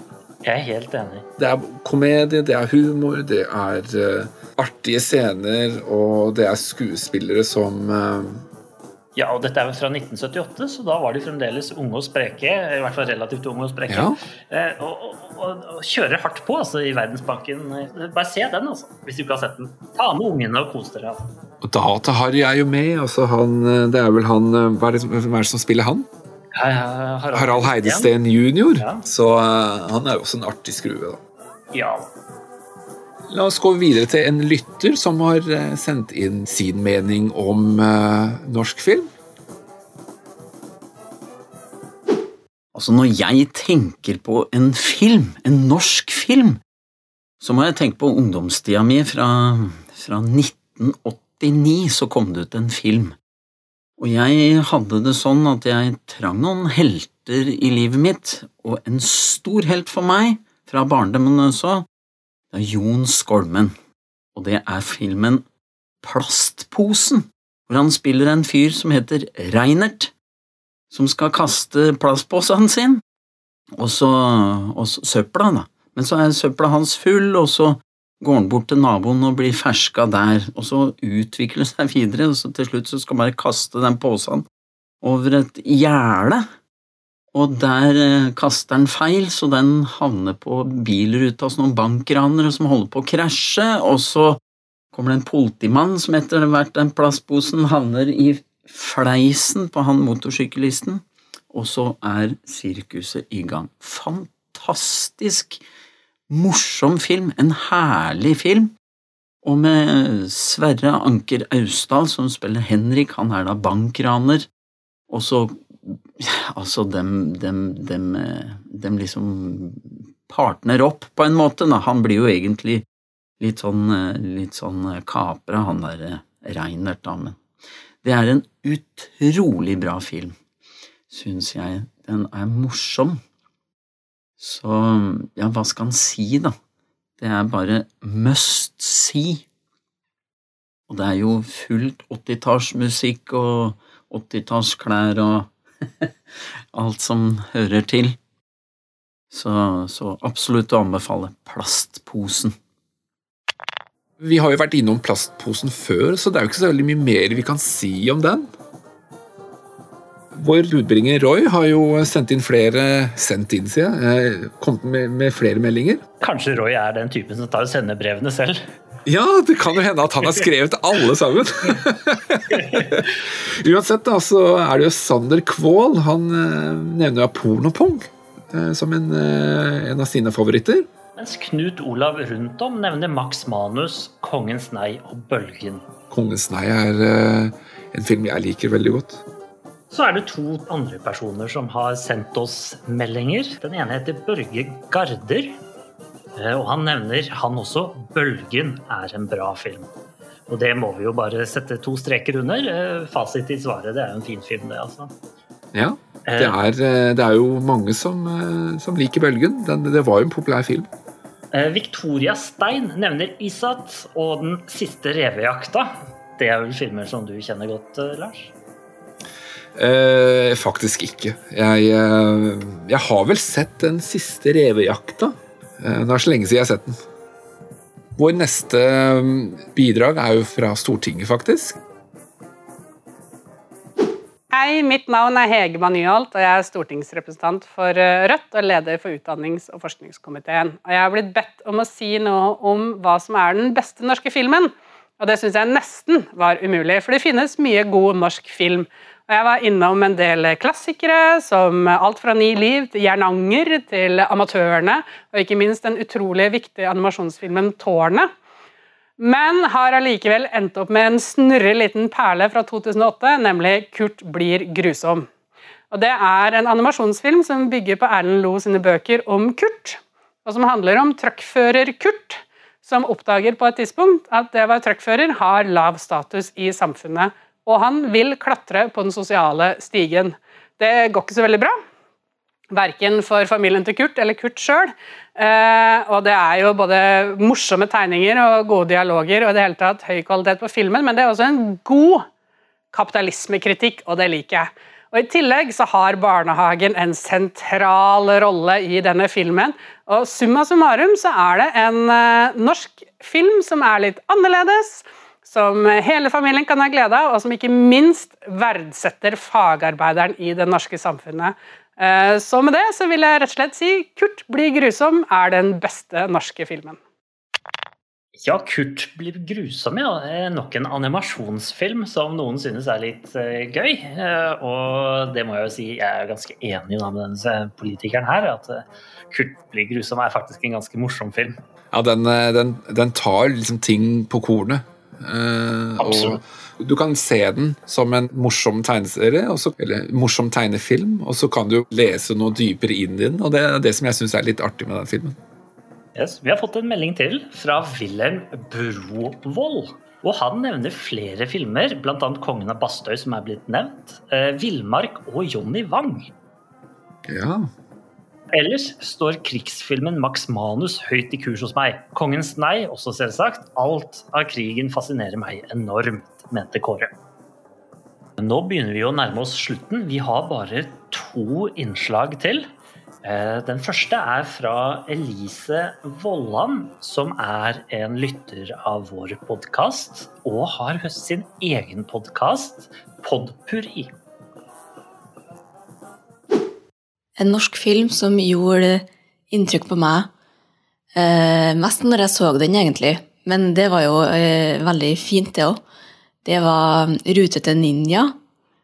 Eh, der har jo Herman Flesvig de, eh, Jeg tror han har alle stemmene, faktisk. Det var ganske imponerende, eh, syns jeg. Og så kosa jeg meg veldig med historier og hele universet, liksom. Det var så artig humor, og det var det var lett å henge med, og det var kanskje en barnefilm, men jeg som er voksen syns det var artig, og er veldig imponert over eh, stemme, stemmeprestasjonene til Flesvig.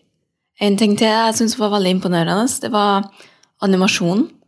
Produksjonen var veldig bra, og eh, fine farger og fin verden å være i i en og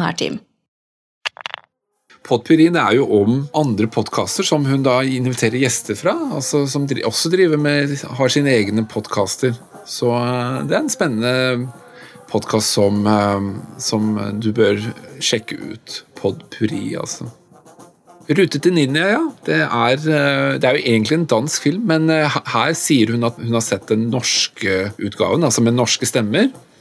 Og jeg må bare si meg enig i at vi i Norge har jo vært veldig flinke på å dubbe tegnefilmer. Altså f.eks. Istid og eh, andre filmer også. Så eh, kudos til, eh, til de som gjør det. Altså. Så dette er absolutt en artig film, altså. Ja, dette er jo no, altså, det er jo litt skuespill, det òg. Bare muntlig skuespill. Ja, fordi du må jo uttrykke deg med alle de følelsene med en stemme og med et ord og med et uttrykk. Der hvor man vanligvis har kroppsspråk og, og sånn, så, så må du liksom gjøre alt dette her med, med stemmen. Vi har fått flere meldinger. Vi har masse meldinger. Det er så gøy. Eh, dere kan jo bli med dere og sende inn flere meldinger til neste episode. Eh, så kanskje de får være med på podkasten, og du får lov. Lise Hansrud har sendt inn en melding. Hun skriver 'naboer', utropstegn. Vet ikke helt hva jeg skal si, men den er akkurat så psykologisk som jeg liker det. Tvister om mulig du må se den to ganger. Ha på pause, i hvert fall, om du skal på do. Husk det.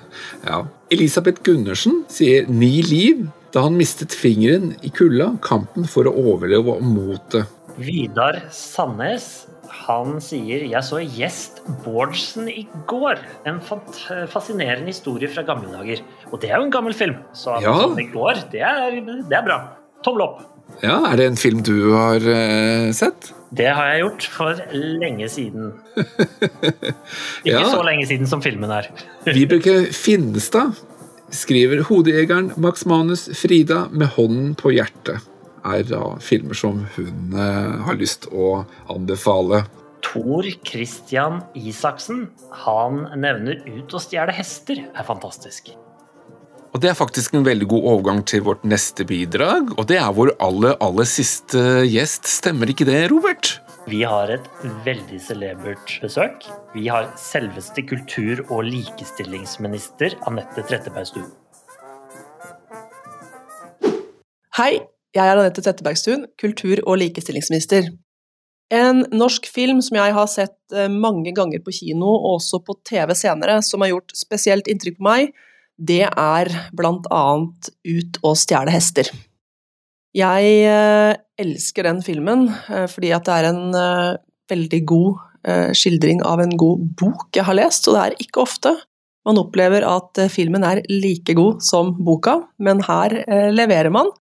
Og så er det også slik at handlingen i filmen og i boka Ut og stjele hester foregår jo i Trysil, mitt favorittsted her på jord. Så den filmen vekker også mye hjemlige følelser i meg.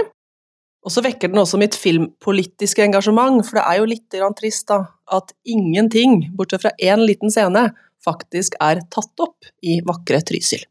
Og det er noe jeg har med meg når jeg eh, skal legge til rette for eh, at man skal få flere filmproduksjoner til Norge, og at færre skal trenge å reise ut for å ha råd til å spille en film. Vi har jo på en måte ofte snakket om ting som er typisk norsk i vår podkast, i de forskjellige filmene vi har snakket om. Og her tar jo Anette Trettebergstuen opp noe som er veldig viktig. Hun nevner det at filmer må filmes i Norge. Fordi vi har et så fantastisk land og setting, så det er jo dumt å reise til utlandet for å ta opp alle filmene. Så det jeg ser her, er jo en lovnad om at eh, nå kommer det mer penger til norsk film. Eh, Så nå tror jeg vi bare skal gni oss i hendene og glede oss til at vi får masse flott norsk natur og gode norske fortellinger inn på filmlerretet i tiden fremover. Det er ikke bare Anette som liker Ut og stjele hester. Det gjør også Lime Nathaniel P. Tangmo. Helt konge, skriver personen der. Gunhild Hagen Pedersen skriver 'Burning'. Den lo pappa og jeg godt av. Lise Hansrud sier 'De gales hus', gærninger på psykiatri, men den er morsom og sprø. Og Lise Hansrud sier også en til. Hun liker også 'Sykt lykkelig'. Eh, er jo selvfølgelig også en favoritt. Tittelen er ironisk i forhold til filmen. Og helt til slutt så skriver da Bjørn Kenneth Søberg De usynlige er en film som eh, alle burde se. Så eh, da er vi egentlig kommet til eh, slutten av episoden. Ja. Da kan vi egentlig bare minne om at eh, vi har en Facebook-side som eh, alle kan gå inn og legge inn din favorittfilm. Og ja, skriv til oss hvorfor du syns at din favoritt er den filmen vi bør se, eller alle bør se. Du kan finne podkasten vår på Spotify eller iTunes eller andre steder der du finner podkaster. Eller så kan du jo dele linken norskfilmær.no med dine venner og bekjente og bestemor og alle de andre. Jeg må innrømme at jeg er overrasket over så mange forskjellige forslag og filmer som har gjort inntrykk på folk. Men hva med deg, Robert? Hvilken norsk film har gjort inntrykk på deg? Dette her er et vanskelig spørsmål. Mange her i dag har jo egentlig svart de filmene de liker aller best. Og for meg så er kanskje ikke det den filmen som har gjort mest inntrykk på meg, den filmen jeg liker aller best. Uh, og jeg for Hvis du tenker på den beste filmen, så kanskje du må trekke fram gamle filmer som Fant, eller Flåklypa Grand Prix, eller tilsvarende. Men jeg skal trekke fram to. Det er da Fjols til fjells av Edith Kalmar. Jeg lo meg skakk i hjel som barn når jeg så Fjols til fjells. Uh, og det var, det var, jo selvfølgelig kjempegøy. Uh, så, det er jo Leif Juster i en knall rolle, og Unni Bernhoft osv. Så, videre. så dette er en kjempefin film som er verdt å se. Pluss at jeg ønsker å nevne 'Salmer fra kjøkkenet' av Bent Hammer. Og grunnen til det er jo at det er en knallfilm. Og vi skal jo snakke om eggs neste gang, og da er det bare å glede seg. Det er jo også Bent Hammer. Men du Lars, hvilken film er det som har gjort aller mest inntrykk på deg? Jeg eh, skal nevne film som jeg har vært litt innom på tidligere, i andre episoder. Og det er 'Kongens nei'. Det er en ganske ny film.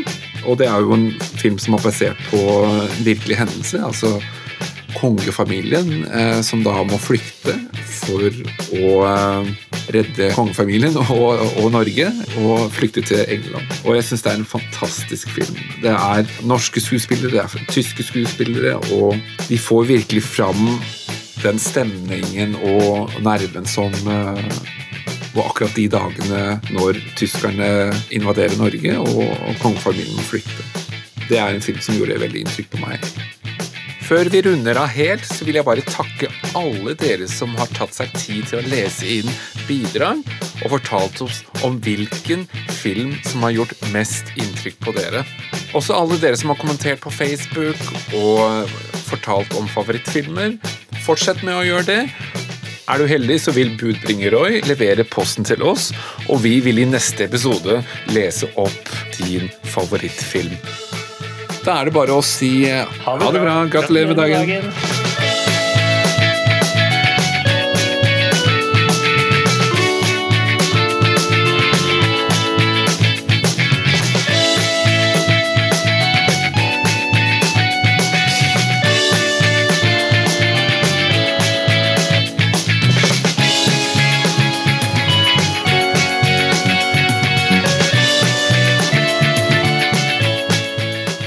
Ja, vi har jo snakket om kortfilmdebuten hans Tuba Luba.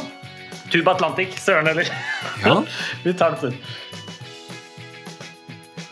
Eh, så spiller vi av den, og det var Oskar Sylte. Nei eh, Onkel Oskar. On Onkel Oskar. Uh, Hvis Basmo Kristiansen hører på, så beklager vi at Lars kalte filmen for fjolte. Uh, ja. Heter hun Lochnes? Ja, hun heter Loch Ness. Det er, altså, jeg, jeg, jeg, vet det, men uh, Veldig snodig navn, altså. Det er mulig. Jeg tipper, jeg tipper foreldra heter Ness, og så hadde de liksom bare dytta inn Loch bare for å ha det gøy.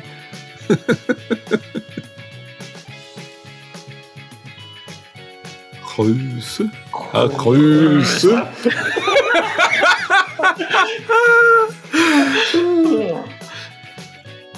Hver gang jeg hører Kruse, så bare tenker jeg på, på den spanske fluen, altså. Herr Kruse.